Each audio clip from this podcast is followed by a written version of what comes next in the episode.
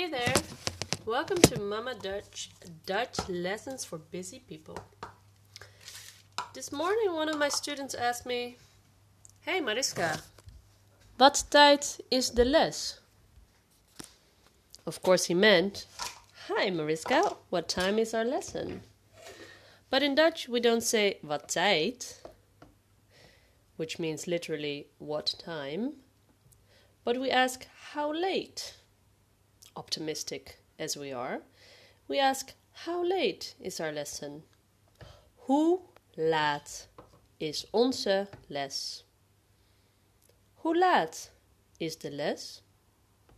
So we ask how late.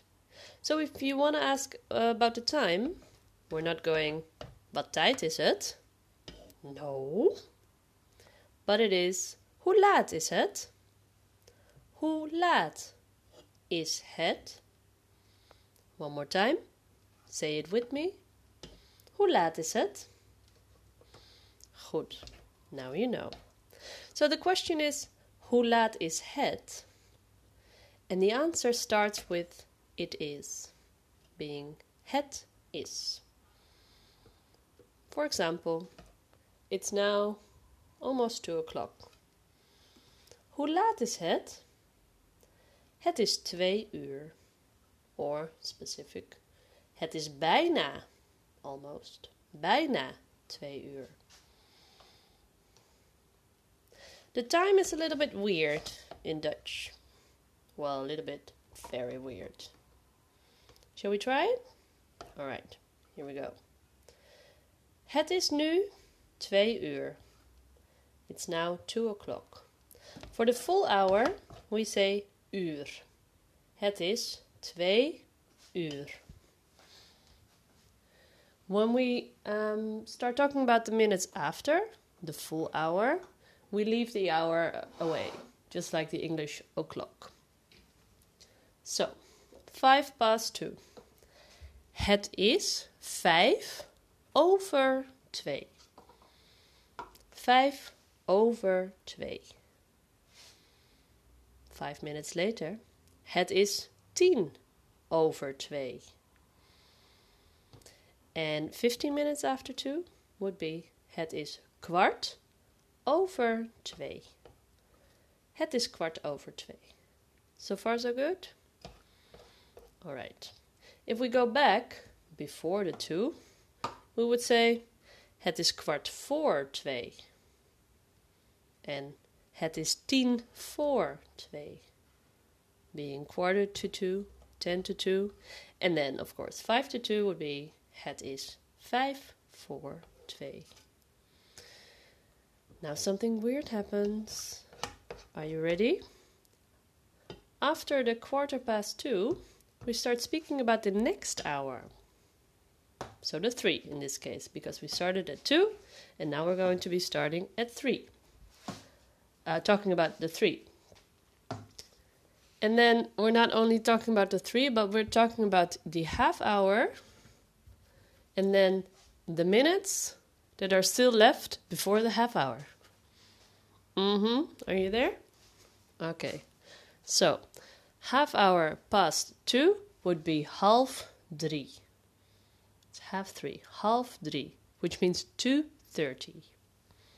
Two and a half is half three. Now, if it's 20 minutes past two, we count it as 10 minutes before half past two.